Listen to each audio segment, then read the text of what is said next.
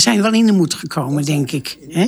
En, uh, muziek eigenlijk door de trompetist uh, geschreven. Alleen hij had nooit uh, rechten aangevraagd. De Paper Stomp heette dat. En die is door Clem Miller, dus gebruikt in 1939... om nou, soldaten een beetje afleiding te bieden. En Marcel, waarom koos je dit lied?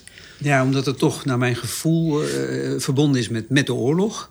Maar dan met de andere kant van de oorlog, het, ook het stuk ontspanning en plezier wat er dan is geweest. Om die jongens die natuurlijk van huis en haard uh, weg waren, nee. om die dan toch in de, de avonden toch nog iets van ontspanning en lol te gunnen. En daarmee is dit uh, Glenn Miller en die, en die sound is daar voor mij onverbrekelijk verbonden met de Tweede Wereldoorlog.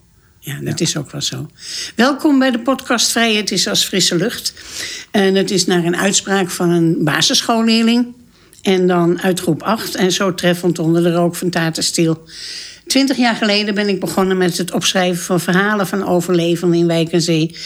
Het dorp binnen de vesting IJmuiden. En in de Atlantikwal. En iedereen moest in 1942 evacueren. Maar slechts een paar gezinnen konden blijven. En het intrigeerde mij de vraag van hoe was dat? Hoe doe je dat dan om met de vijand, de Duitsers, te moeten samenleven? En uh, Vandaar dat ik op zoek ging naar, uh, naar vrijheid. De viering van 75 jaar vrijheid, uh, die verhalen die zijn gebundeld in het boek. Wijk aan Zee, 75 jaar vrij. En het lag in 2020 in de winkel toen de pandemie uitbrak. Opeens lockdown, alles, weg vrijheid. En toen begon iedereen te roepen van... Ah, mijn vrijheid wordt afgenomen. En toen raakte ik een beetje in verwarring eigenlijk. Mijn naam is Geet Kudovan en ik ben op zoek naar de essentie van vrijheid. Met de oorlog in de Oekraïne nu nog actueler. In een aantal podcasts neem ik jullie mee om, uh, op deze zoektocht, zoektocht. En mijn gast vandaag is Marcel Lindeman. En moet je maar even goed zeggen of ik het goed zeg, de, want het is een hele mond vol, Marcel. Docent geschiedenis en biologie ja. aan Kennemer College Beverwijk. En bestuurslid protestantse gemeente Beverwijk, Wijk aan Zee. En of dat nog niet genoeg is, ook nog preparateur. Zegt het goed? Ja, preparateur. Ja. En als specialisatie zangvogels. Ja. Het allemaal goed. Druk baasje, als ik het Druk baasje, ja. want je doet ook nog wat in, in, uh, in, in, in uh, het Museum Kennemerland, of niet? Het, ik ben voorzitter van het Historisch Genootschap. En dat oh. is uh, gelieerd aan Museum Kennemerland. Dus dat had hij dus nog bij gemoeten eigenlijk. Nog bij, toch? Komt er ook nog bij. Ik kan nog wel een paar dingen noemen, maar dat is niet nodig. Goed. Mijn naam is Geet Kudovan. En, um, oh, dat had ik al gezegd. Wat is voor jou vrijheid, Marcel? Ja, is lastig. Want je hebt vaak het idee van vrijheid is eh, kunnen doen en laten wat je wil. En, en dat is het natuurlijk ook voor een deel, maar wel binnen de, de, ja, de waarden en normen die we als maatschappij hebben. En tegelijkertijd begrensd door de vrijheid van een ander. Want je loopt op een gegeven moment tegen de grenzen van vrijheid aan. Ja, ik vind het zo moeilijk. Echt waar. Ja, dat, dat meen ik, want uh, er zijn zoveel vormen van vrijheid.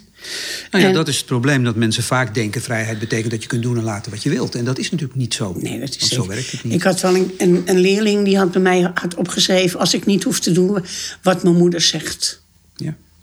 Dat is ook, dat is ook vrijheid. van vrijheid. Um, heel veel conflicten in de wereldgeschiedenis hebben een oorzaak in vaak in religie. Ja. Hè? Ik heb al opgezocht bijvoorbeeld uh, de kruisvaarten, kruisvaarten de tussen katholieken, protestanten, hugenoten. 80-jarige oorlog, de jihad, de jodenvervolging. Ja. Jij bent docent geschiedenis. Wat vertel jij jouw studenten ja, hierover? Het, het, komt, het komt natuurlijk altijd aan de orde zodra je dat soort conflicten uh, langsloopt. Maar uh, je ziet natuurlijk vrij snel dat, dat uh, religie, die als een beweging is begonnen, dat dat altijd, uh, zodra het institutionaliseert, gekaapt wordt door de macht. En zodra macht gaat meespelen, ja, dan uh, wordt het vaak een beetje, beetje lastig. En dat zie je in nou ja, die conflicten die je noemt, is dat ook vaak zo. Als je kijkt naar de 14e en de 15e eeuw, dat moslims en christenen in Spanje bijvoorbeeld het uitstekend met elkaar konden vinden. En heel veel van de cultuur ook is uitgewisseld. En vervolgens, vervolgens, ja, dan loopt het toch weer uit de hand. Eh, 80-jarige oorlog. Is het een bevrijdingsoorlog? Is het een godsdienstoorlog? Afhankelijk van welke kant het bekeken werd, werd het eh, in die hoek ook gedrukt. En daar kun je ook geen uitspraak over doen of het nou één of eh, het ander is. Het is van allebei een beetje. Maar waarbij religie weer gekaapt wordt door de machthebbers om te misbruiken of te gebruiken tegenover andersdenkenden. Maar denk jij wat de grootste oorzaak is van, van oorlogen? Wat was de diepe essentie daarvan? Nou ja, als je, als je nu, om dan naar de Oekraïne meteen terug te grijpen, Ja. ziet wat er gebeurt, dan zijn het toch eh, hele kleine, grote mannetjes. Die uiteindelijk eh, willen laten zien. willen hoe, hoe belangrijk ze vinden dat ze zijn. En dan verliezen ze ook heel vaak verliezen ze eh, de grip op de werkelijkheid. Want ze krijgen alleen nog te horen wat ze horen willen. En gaan daar op een gegeven moment zelf in geloven. En wat vertel jij in de klas daarover? Ja, ook, ook, ook, ook proberen dit soort dingen duidelijk te maken. Dat, dat niet alles wat ons voorgehouden wordt, dat dat eh, de eenduidige waarheid is. Ik zeg altijd, de waarheid bestaat niet. Er zijn allerlei vormen, percepties van waarheid... die voortkomen uit het gedachtegoed van de mensen die het bedacht hebben. En dat eh, vaak is, is dan eh, de vrijheid van een ander... is, is de slavernij voor de volgende. Ja, ik hoor je ook zeggen het, het woord macht. Ik zeg, ehm, dus er worden een aantal oorzaken en bronnen van conflicten genoemd. De religie, ehm, de geschiedenis, ook vaak. Van vroeger hadden we dit wel, het was van ons en nou willen we het weer terug. Ehm, doctrine, denk ik. Macht, hoor jij ook zeggen. Geld. In deze eeuw hebben we natuurlijk, gez- of de vorige eeuw, laat ik het goed zeggen, mijn eeuw, hebben we gezien dat, dat natuurlijk eh, inderdaad ideologieën een hele grote drijfveer zijn geweest eh, voor, conflicten en voor oorlogen. En welke bedoel eh, je dan Nou ja, als je, als je kijkt naar de Eerste en de Tweede Wereldoorlog, de Eerste Wereldoorlog als een nationalistisch conflict en de Tweede Wereldoorlog echt als een ideologisch conflict tussen, tussen communisme en fascisme. Dat, dat, dat is heel duidelijk aan te wijzen dat dat een bodem is geweest van, de- van de zaak. Met alle complicaties eromheen natuurlijk van, van de voorgeschiedenis. Ze zeggen, al nu al wordt ook al genoemd dat eh, water een eh, groot conflict eh, kan. Nou, zie je nu natuurlijk al overal een gebrek aan water. En eh, nou ja, we weten allemaal dat boeren ook eh, met elkaar eh, op de vuist gingen. Nou ja, als, je, als je nu ziet wat er in Afrika gebeurt... met Ja, de onvoorstelbare bevolkingsgroei die daar Ja. plaatsvindt... en de conflicten tussen gezettelde boeren en rondtrekkende herdersvolkeren... die gaan elkaar te lijf. Ja. En of ze dat vervolgens dan een ideologie of een godsdienst er nog bijslepen... dat is dan vaak nog weer een motivatie om het erger te maken. Maar het zijn gewoon in feite eh, menselijke conflicten... die door, door in dit geval overbevolking ontstaan. En daar zijn we de komende 50 jaar nog niet vanaf. Ja, ik denk dat als je, als je iemand aan zijn middelen van bestaan komt, dan gaat Ja, hij. de basis. Toch? Ja. Ja, ik, ik, ik heb er natuurlijk ook al een poosje gewoon al over nagedacht. Omdat ik met Ja, zoveel mensen gesproken heb. En dan, ik ben gekomen op ehm, eh, de vijf B's. Ik denk, ik moet me ergens aan vasthangen. Dus ik had... eh, als je, de voorwaarden zijn eerst maar dat je een bed, bad en brood moet hebben. Want als je dat niet hebt, dan... Bescherming en betekenis. Ja. Ja. En ik denk, alles wat erbij gehaald wordt. Marcel, maar dat is mijn idee, hè? Ehm, dat wordt erbij gehaald om eh, macht uit te oefenen. En hoofdzakelijk gaat eigenlijk alle oorlogen, gaan maar gewoon na, conflicten thuis gaan over geld vaak. Je moet op de een of andere manier het conflict eh, moet je verantwoorden waarom je iets doet of waarom iets gebeurt. En, en dan zijn dat de essentiële dingen die er natuurlijk bijgehaald worden. Toch? Het is de basis van ons bestaan. Je Ja. wil veiligheid, je wil een, een dak boven je hoofd en je wil eten. Ja, precies. Ja. En als je dat niet hebt, dan kom je in opstand. Want juist eh, degenen die niets zoek. hebben, die zijn makkelijk te manipuleren. Ja. En, eh, want je zegt van ideologie, maar ik denk dat het, de ideologie, het, het, net zoals religie, gebruikt wordt voor. Ja, omdat je daar de massa mee kunt, Ja, kunt ja, controleren. Kun je- Als je de massa voorhoudt in een ideologie of in een religie dat er een bepaald doel te bereiken bevalt, waar iedereen beter van wordt, ja, dan, dan gaat eh, dat deel van de bevolking wat op een denkniveau van een 12-jarige leeft, die gaat daar juichend achteraan. Ja, Nou ja, is- dat hebben we gezien. Ja. En Zo- zien we nog. En dat zie je nog. Zoveel conflicten voor, van haves en haves not, Ja. toch? Denk ik wel. Ehm, ik had een lied uitgekozen. De gedachten zijn vrij. Die gedanken zijn vrij. De gedachten zijn vrij, zo'n Duits lied. Maar het is uit 1500. En uh, het is toen geschreven. Het is heel oud volkslied dus. En eigenlijk het eerste verzetslied wat er ooit geschreven is. Uh, ten tijde van de boerenoorlogen in Duitsland. En dat ging dus ook over eten. Eten, ja. Een aanklacht tegen, tegen censuur en controle. En het werd ook daarna heel veel gezongen in concentratiekampen. En ik dacht, kijk, dat is ook vrijheid. Je kan alles inperken. Je kan iemand gevangen nemen. Je kan hem uh, wat dan ook doen. Maar iemand zijn gedachten kun je niet bepalen. Je gedachten zijn altijd vrij. Dat vond ik wel een mooie, mooie, mooie stelling. Ja.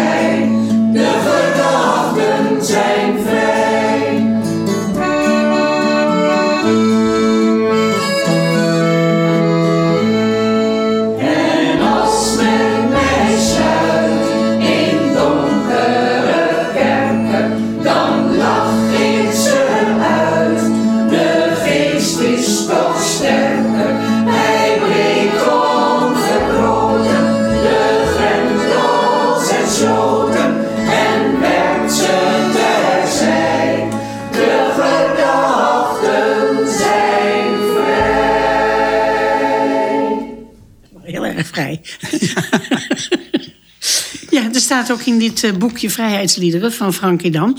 Die heeft hij uh, bij elkaar uh, verzameld. En dat begint dus in 1648 bij de Vrede van Münster. Tja. En daar staat de gedachten zijn vrij ook in. En dat heb, heb ik hieruit gehaald. En het wordt gezongen door het Alkmaar Straatorkest. Oh ja, ja. Ben Leuk. ik ook bij. Leuk. Ja. Um, we gaan even een stapje verder in de, in de tijd. Um, laten we eens hebben over de Tweede Wereldoorlog. De kerken in de Tweede Wereldoorlog. Kun jij er iets over vertellen? Hoe hebben ze zich Ja, dat is de, de, de, de, zeg maar de overkoepelende organisaties eh, voor, voor Nederland, de, de Nederlandse hervormde kerk, eh, heeft eh, vrij snel na de invasie meteen gezegd van eh, geen enkele vorm van medewerking verlenen. Kerken werd verboden bijvoorbeeld om staatsleningen te kopen, omdat die nu ten goede kwamen aan, aan de Duitsers. Um, ze mochten niet aan de winterhulp meedoen, uh, nationaal-socialistische blaadjes niet kopen. En verder bleef men natuurlijk toch voorzichtig, hè? want uh, het, het, is natuurlijk een, de, de, katholieke kerk was veel, veel door zijn hiërarchie machtiger. En daar waren de Duitsers ook veel voorzichtiger mee, want een plaatselijke groep, een plaatselijke gemeente kon je makkelijker te pakken nemen als, als het je uitkwam. Want dan haalde de predikant haalde je weg en nam je gevangen. Maar zo'n grote organisatie was, was, was moeilijker. En die kerken hebben natuurlijk ook voorzichtig gelaveerd om niet, uh, niet klem, uh, klem te komen zitten. Maar ja, dat gebeurde automatisch. Uh, er werd gezegd, er mogen geen speciale kerkdiensten meer gehouden worden. Er mag niet meer gerefereerd worden in de kerkdienst aan het Koninklijk Huis. Ehm, er mogen geen kerkbladen meer uitgegeven worden, want die moesten, onder censuur staan. Dus het plaatselijke kerkblad werd uh, verboden, mocht je niet meer uitgeven. Nou ja, zo waren er allerlei maatregelen tot aan de evacuatie toe, die het, uh, het kerkelijk leven toch wel onder druk zetten. En, en bovendien met ook mensen van de kerken die zich bij de NSB hadden aangesloten. Ja, dan kreeg je dat gevoel van find, hurt, meet. Hè? Dus je moest nog op gaan passen met, met wat, je, wat, je, wat je zei. Ja. Kijk nou naar de kerk in, in Oekraïne of in, ja, in Oekraïne, Rusland. Ja. Die doen gewoon mee.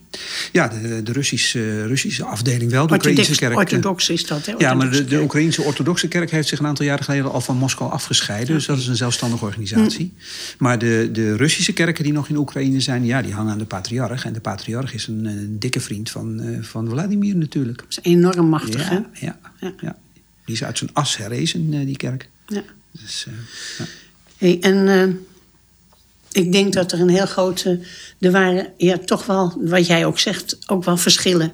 De ene was wat makkelijker in omgang dan de andere met de kerken, hè, toch? In het begin, ik denk dat in het begin, van de week zat Bets Durge hier en die zei van ja, in het begin was het eigenlijk best wel vriendelijk, ze waren wel aardig. Ja. Nou, en dan wacht je het nog even af en je wacht het nog even af. Ja, men had het idee moment... dat er horde barbaren over, over Nederland heen ja, zou komen. Ja. En tot verbijstering van iedereen betaalden ze gewoon wat ze in de winkel Ja. meenamen.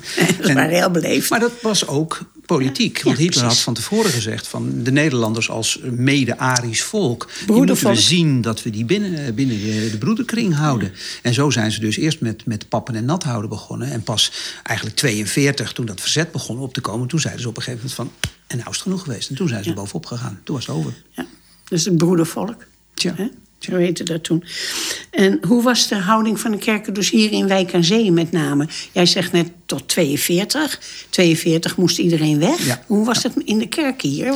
Wat is daarmee gebeurd? Nou, het is, het is ook hier gewoon eh, tot 42 allemaal eh, doorgegaan. En, en toen kwam dus die, die eh, evacuatie. Wat men wel merkte al vanaf het begin van de oorlog... dat de kerk begon vol te lopen. De nood leert bidden, zullen we maar zeggen. Ja, ja, dus het was inderdaad, eh, er waren plekken te weinig, eh, zo in die eerste ja. oorlogsjaren. En eh, toen de evacuatie kwam, ja, toen was het natuurlijk maar een hele kleine groep die overbleef. Hè? De, de mensen die dus essentieel waren, die iets moesten doen en dus in het dorp achter mochten blijven. En die zijn toen een hele tijd in de, in de consistorie gaan kerken. Want met de evacuatie is de kerk ook ontruimd. Alles wat los zat, is eruit gehaald. Dus het bootje, de kronen, de bijbels, de hele troep is ingepakt en afgevoerd naar Beverwijk en daar opgeslagen. Oh, dus wel opgeslagen, Ja. niet door hen meegenomen. Nee, want ik zag dat ze ook in het museum hebben ze ook heel veel. Eerst maar even verdonkeren, Ja. maar, weggebracht en onder de grond en zo. Ja, nou ja, je, je koperwerk en dat soort dingen Ja. moest ingeleverd... tenzij je dus aan kon tonen dat het eh, historische waarde had. Dus eh, dat materiaal is grotendeels naar de Grote Kerk in Beverwijk... en nog bij een bank eh, terechtgekomen. En daar tot, tot het einde van de oorlog gebleven. En in de consistorie heeft dus Snelleman, mevrouw Snelleman-Dobber... die heeft daar op de piano zitten spelen. En zo dus het clubje wat er nog was begeleid. Maar in Wijk aan Zee begonnen eigenlijk al eind 43... begonnen langzamerhand mensen terug te keren. Ondanks dat het niet mocht, maar ze deden het wel... want de Duitsers verzetten zich daar niet tegen. Oh. En vanaf eh, eind 43 zijn de kerkdiensten hervat in, in de kerk. Eh, alleen de organist mocht niet komen. De, meneer de Boer uit Beverwijk, die mo- spergebied natuurlijk. Oh, En toen heeft eh Ans Snelleman gehoopt dat ze op het orgel mocht spelen... maar hij weigerde de sleutel af te geven. Oh. Dus toen heeft ze ook de kerkdiensten met eh, naar binnen gedragen piano moeten, moeten begeleiden. Oh. Ja, ja. Nou, wat leuk. Leuk verhaal. Dus dat, eh, Ik dacht dat het ook eh, bezet was, wel, de kerk. Maar dat is dus niet Nee, zo. de kerk is, eh, is leeggehaald, maar de kerk Ja. is nooit gebruikt. De, de, de kosteres die er op dat moment was, mevrouw Schelvis, die heeft de sleutels bij zich gehouden. En er is in de kerk verder helemaal niets gebeurd. Er is niet opgeslagen. Duitsers zijn er ook niet geweest. Was dat Adriaan Dus, Schelvis? Die was toch de... Nee, nee het was een, een, een, een, juffrouw. Ik ben Oh. even de voornaam kwijt. Een juffrouw Schelvis, die was op dat moment eh, aangewezen tot eh, bewindvoerder. Oh ja, van, Adriaan, die was van de katholieke kerk, denk ik. Adriaan Schelvis. die, eh, Die luidde altijd de klokken. in. Nou, nee, nee, nee, we hebben ook een Adriaan gehad die in, in, in, in de dorpskerk zat. Die, die was eh, ook een beroemd muzikus in Wijk aan Zee, geloof Oh, ik. ja. Ja, niet tegenstaande zijn vermeende muzikale kwaliteit. Oh, ja. Stond er op een gegeven moment ergens. Hey, en en hoe was dat met de katholieke kerk? Weet je dat? Ja, kerk heeft eigenlijk eh, een beetje hetzelfde doorgemaakt. Ook, ook in eerste instantie van, tjeetje, ze hadden gedacht we gaan terug in het aantal missen. Maar er er kwamen er zelfs bij omdat het zo druk was. En ook daar eh, kwam de evacuatie. En de pastoor moest dus uit de pastorie weg, is ook uh, geëvacueerd naar Beverwijk. En die moest dus op het fietsje, op de houten banden, terug naar Wijk aan Zee voor de kerkdiensten. Totdat het ook daar niet meer mocht. En wanneer ze dat opgepakt hebben, weet ik eigenlijk niet precies. En ik neem aan dat ze daar precies als bij ons, dat, dat ze ook de kostbare spullen veiliggesteld zullen hebben. Ja, behalve de klokken, hè? Ja, maar klokken is, hoe was het met die klokken? Ja, klokken is Dat is zo'n mooi verhaal. Vertel eens. Klokken is natuurlijk... Uh, het is massief brons. En brons is een kostbaar metaal, zeker in oorlogstijd... omdat het dus uh, industrieel gebruikt werd voor, voor de ja, wapenfabricatie. En, uh, en, toen is dus in, in alle bezette landen... Zijn, onmiddellijk is er geïnventariseerd wat er aan klokkenmateriaal was. En daar is een onderscheid gemaakt tussen historische klokken... en niet-historische klokken. En de historische klokken die hebben officieel voor de oorlog al een, eh, een zegeltje gekregen van de Nederlandse overheid. Er zijn uh, inventarisatie geweest en er zijn ook documenten bij die klokken gevoegd in de toren dat ze konden zien dat het historisch materiaal was. Nou, daar moesten ze afblijven. En de andere klokken die zijn eigenlijk al vrij snel na de bezetting weggehaald. Dus de was dat, dat was er al, al voor 42 ja, al? Ja, ja. En die van, die zijn, van, van Wijkerzee ook? Die, ja, die van de... Van de die, het was geen historische klok? Ja, die van de, wijk, van de, de dorpskerk wel. Ja?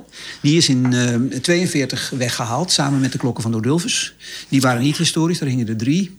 Die zijn verdwenen en ook niet meer teruggekomen. Oh. zijn meteen gesmolten. Oh ja. En de, de klok van, van de dorpskerk is uit 1658. En dat was dus een hemonieklok. En daarmee van de beroemde 17e-eeuwse klokkengieters. Ja. En die is naar Leerdam gebracht en is daar tot 44 in opslag blijven liggen. En uh, toen was de oorlogssituatie zodanig dat de Duitsers hebben gezegd van nu gaan ook die historische klokken. En toen zijn ze op een, uh, op een uh, Rijnaak geladen en afgevoerd in de richting van Bremen. Ze zouden daar gesmolten worden. Over het IJsselmeer heen? Over het IJsselmeer ja. heen. En toen is het, het schip waar ze in zaten is in on onaangenaam weer is vastgelopen op een zandbank. En in hoeverre dat bewust was of niet. Want de schipper die ermee moest varen, van wie het schip was, die weigerde. Die is niet gaan varen. En toen hebben ze een onervaren schipper erop gezet. En die is vastgelopen. En toen hebben ze een paar dagen later hebben ze Urkermannen erbij gehaald. Want het was vlakbij Urk vastgelopen. En die, die Urkermannen die hebben toen uh, uh, geprobeerd hem vlot te trekken. Maar dat hebben ze op een dusdanig expres uh, onzorgvuldige wijze gedaan... dat ze de hele aak uit elkaar getrokken hebben en dat die kapot was. En toen dus daar ze... was eigenlijk die. Ik dacht eigenlijk van ja. die schipper. Nee. Maar dat was het niet. Dat nee. waren die Urker. Die Urkers die hebben bij de, de, de verplichte poging tot berging... hebben ze dat schip zodanig beschadigd dat het niet meer varen kon. En toen is het blijven liggen tot uh, na de oorlog. En in 46 uh, kreeg dus de kerk bericht dat de klok teruggevonden was. En, uh, en letterlijk boven water kwam. Zo, ja. alleen de klokken van de... Van... Nee, de, de, klok van de dorpskerk is teruggekomen. Ja? Maar ook die van de grote kerk in Beverwijk. En ook. van uh, Heemskerk is teruggekomen. Oh, ja, um, van de, alle katholieke kerken niet. Omdat dat natuurlijk allemaal relatief moderne klokken waren. Dus die zijn allemaal verloren gegaan. En enige uitzondering is de klokken van Castricum. Want die zijn uh, op een bootje geladen en gestolen. Oh? En dat bootje hebben ze ergens de Rietlanden ingevaren en daar laten zinken met een zeil eroverheen. En dat hebben ze na de oorlog ook pas teruggevonden. Dus die zijn door de plaatselijke bevolking gered. Terwijl de rest dus. Uh, nou ja. hey, en, en weet je ook iets van de klok die hier hing? Nee. Weet je niet nee, zo? Weet ik niks en Jan Paul ook niet? Nee. Nee, ik heb dit kerkje ook nooit, nooit klein... in bedrijf gezien. Dat nee, is, uh, voor mijn was tijd was hij hij al. Klein, ja. klein en alleen voor de zomer, hè? Ja, alleen voor de voor zomer. badgasten. Oké. Okay. Ja. Nou, wat een mooi verhaal. Ja. Um, uh, ik wilde nog een muziekje laten horen. Maar Marcel, ik wil je eerst even bedanken voor deze, voor deze bijdrage aan uh, mijn idee van vrijheid. Um, heb je nog iets wat je graag wil vertellen? Nee, ik, uh, ik, het, zijn, het, zijn op dit moment hele lastige tijden als je, als, je, uh, als je jong bent en je hebt een toekomst en je denkt van wat gaat er allemaal van komen. Als je nou ziet wat het met onze, hoe onze maatschappij ontwricht raakt door alles wat er gebeurt. Hè, want je hebt het gevoel van het is weliswaar een oorlog in Europa waar we nooit meer zouden hebben verwacht, maar toch relatief ver weg. En dan, en dan zie je wat voor een invloed het ineens heeft op uh, economie, op veiligheid, op alles en nog wat waarvan we dachten dat we dat onder controle hadden. Ja, en dat is, het, dat hè? is het dus niet. We gaan net zo hard erin mee. Ja. En dat vind ik best wel, uh, best wel griezelig. Nou, dat, ik denk ja. dat heel veel mensen erg angstig zijn. Dat denk ik ook. Ik ben geen doemdenker in de zin dat ik denk dat ze met kernbommen zullen gaan gooien. Want zo dom zijn ze zelfs daar niet, denk ik. Maar, maar de, de totale ontwrichting van mensen die nog een toekomst voor zich hebben... van hoe moet ik verder straks dat, eh, dat vind, ik, vind, ik heel, vind ik heel droevig. Ja. Wat, eh, wat vertel jij nou je studenten daar nog over? Heb je daar, heb je daar discussies over met ze? Ja, nou ja, ik, ik probeer toch, als, ik zie ook wel dat er, dat er een bepaalde vorm van, van, van angst is of onzekerheid. Ik probeer dat wat te dempen. Want zo zal zo'n vaart niet lopen. Maar ik, ik zeg ook, uh, wat we net ook zeiden met bijvoorbeeld die overbevolking uh, in de wereld. Dat zijn problemen die de komende 50 jaar in hun leven, als zij aan de touwtjes uh, trekken, Zeker. gaan spelen. En dat gaat echt een enorm Ja. probleem Klimaat worden. en, ja, klimaat en, en nou ja, Ja, armoede. En, armoede, ja. ja. Dat wordt, eh, Ja, dat eh, geloof ik ook.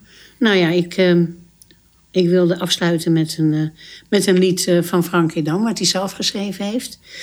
En dat heet Eens zal de tijd winnen. Het is gebaseerd op een uitspraak van dominee Laszlo Teukes... die zich in september 1989 tegen de Roemeense dictator Ceausescu uitspreekt. Ik heb daar een stukje van gezien, van dat hele gebeuren. Dat is heel indrukwekkend. Hij wordt gevangen gezet omdat hij iets vertelt wat Ceausescu natuurlijk niet zo leuk vindt. En, toen, en dan zegt hij eh, van, nou hij is al 72, ik ben 36. En volgens mij overleef ik hem eigenlijk, min of meer. Eens zal de, tijd, die zal het winnen. En daar gaan we even naar luisteren. Ook gezongen door het Alkmaar Straatorkest. Dankjewel Marcel. dankjewel.